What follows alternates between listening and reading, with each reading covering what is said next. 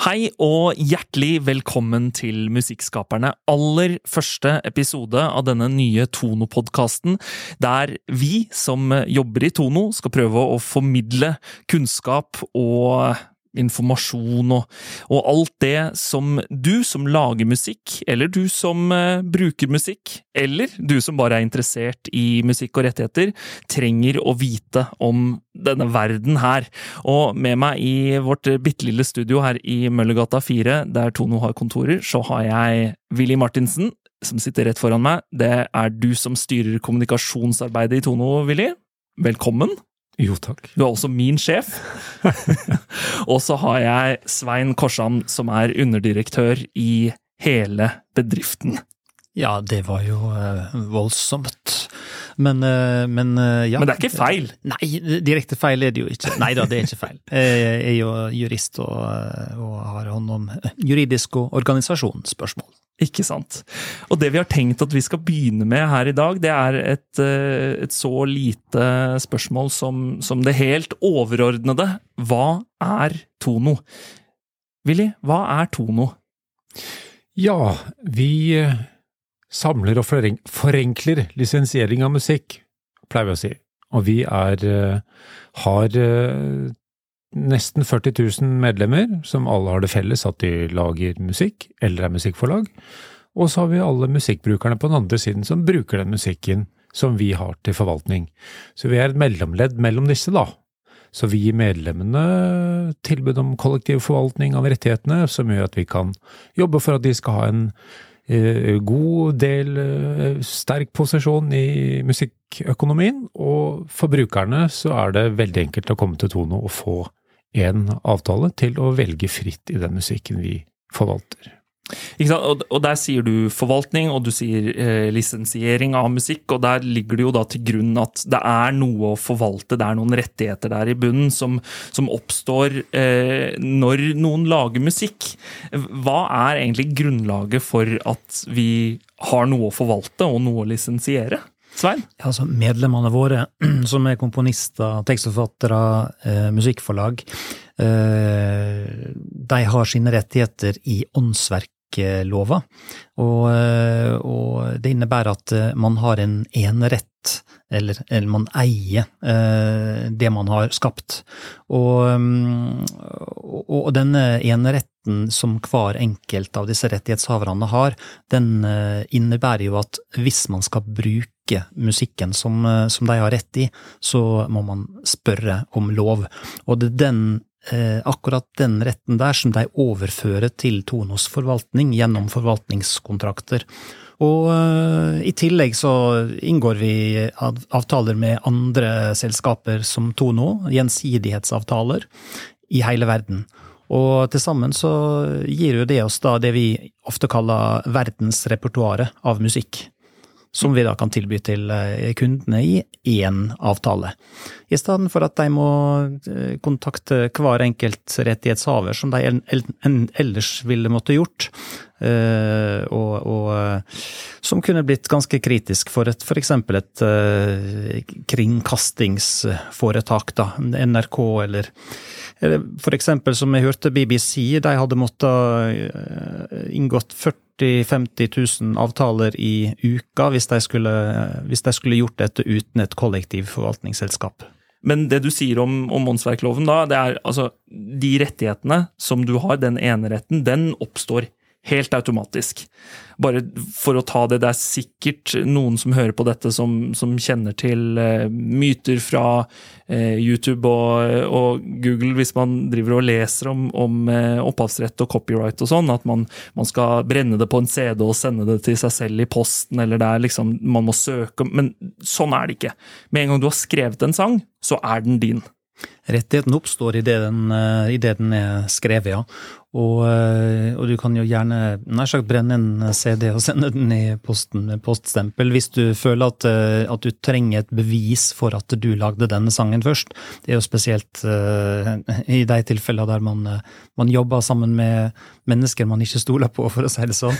Men uh, heldigvis så er ikke det mange som, som trenger å ta sånne forholdsregler. Vernet oppstår idet du har laga sangen. Og det er dessuten helt uavhengig av Tono. Det er ikke sånn at man må være medlem eh, av Tono og registrere et verk for å ha opphavsretten sin.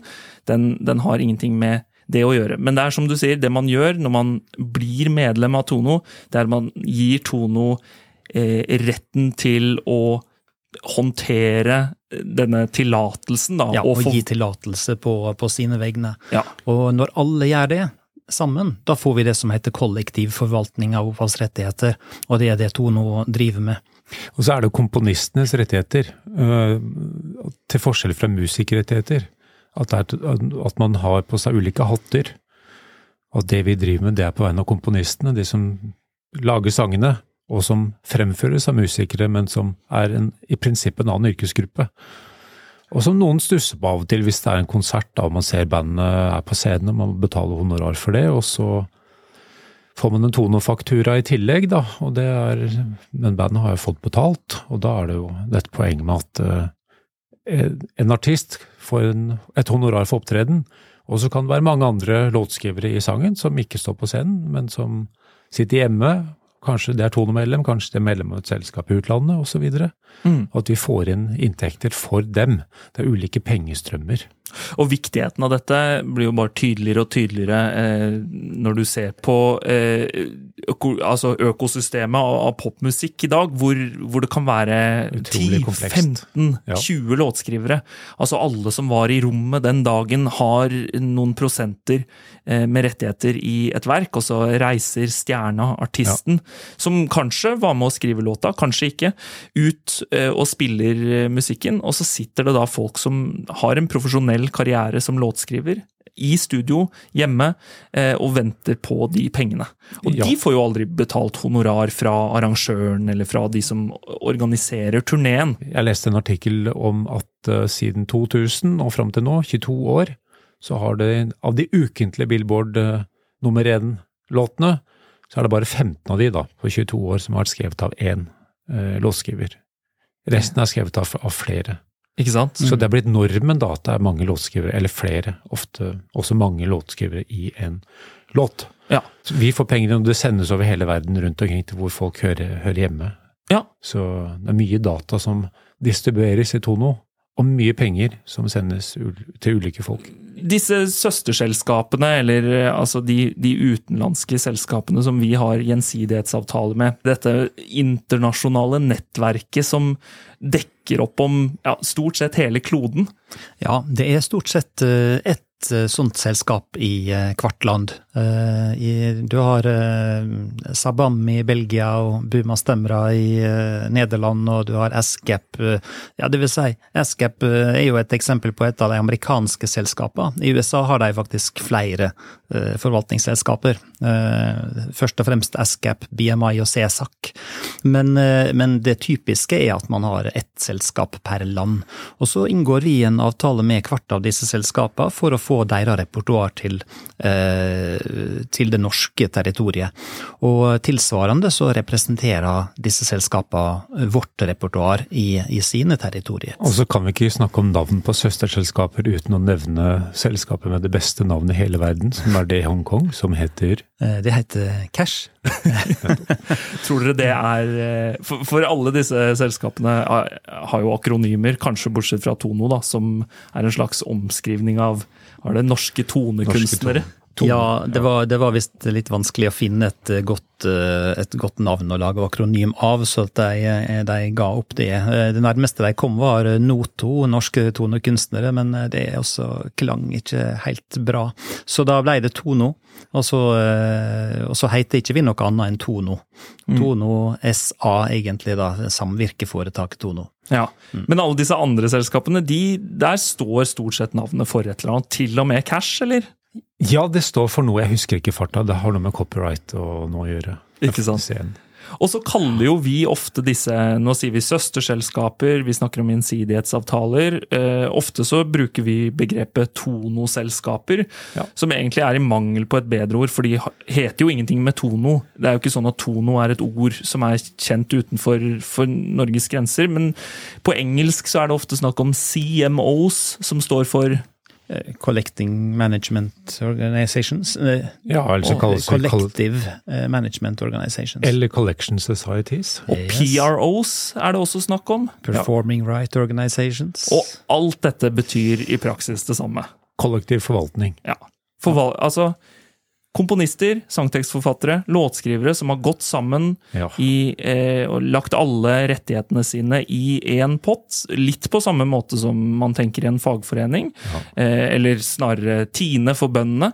Eh, sånn at man har en større da, eh, forhandlingskraft eh, overfor eh, kundene, og at eh, kundene har én enkel plass å, å forholde seg når de skal hente rettigheter, sånn som vi snakket om i stad. Ja. Og da er det jo også viktig for oss å, å understreke, og det kan vi ikke si mange nok ganger, at Tono ønsker jo, og, og skal jo være, en tilrettelegger for musikkbruk.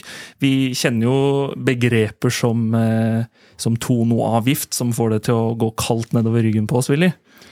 Ja, det, det er ikke et ord vi liker veldig godt. Det har ikke vært brukt av Tono, eh, og um, vet ikke helt hvor det kommer fra. Men eh, Avgift er jo i sin natur noe som gjerne skal skal begrense litt og sånn, så det føles helt feil. Så vi bruker ikke det.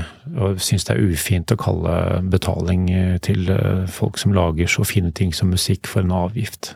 Mm. Ja, vi liker ikke det. Så har vi det fine ordet vederlag eh, i stedet. Ja, Så det er betraktelig mye mer glamorøst på engelsk. Royalties. Og med det så tror jeg kanskje at vi, vi nærmer oss eh, slutten av denne første episoden. Ja. Det er mye informasjon når man skal prøve å forklare hva Tono er, men det er godt da at vi har utrolig mange herlige episoder å se fram til, hvor vi kan gå litt mer i, i detaljer og ikke prøve å, å ta så store linjer som det vi har gjort i dag. Eh, Så vi håper at eh, du blir med, og at du abonnerer på denne podkasten hvis du er interessert i musikk og musikkskaping og rettigheter. Det kommer ikke bare til å bli eh, tung juridisk informasjon og historie heller. Vi skal, vi skal ha eh, Det er plass til alt som har med musikkskaping å gjøre i denne podkasten. Så kan vi samtidig oppfordre til å gå inn på Tonos eh, andre plattformer, på Facebook og Instagram og Twitter, og følge oss der hvor du er sjøl. Og så er det bare å glede seg til eh, neste episode av Musikkskaperne.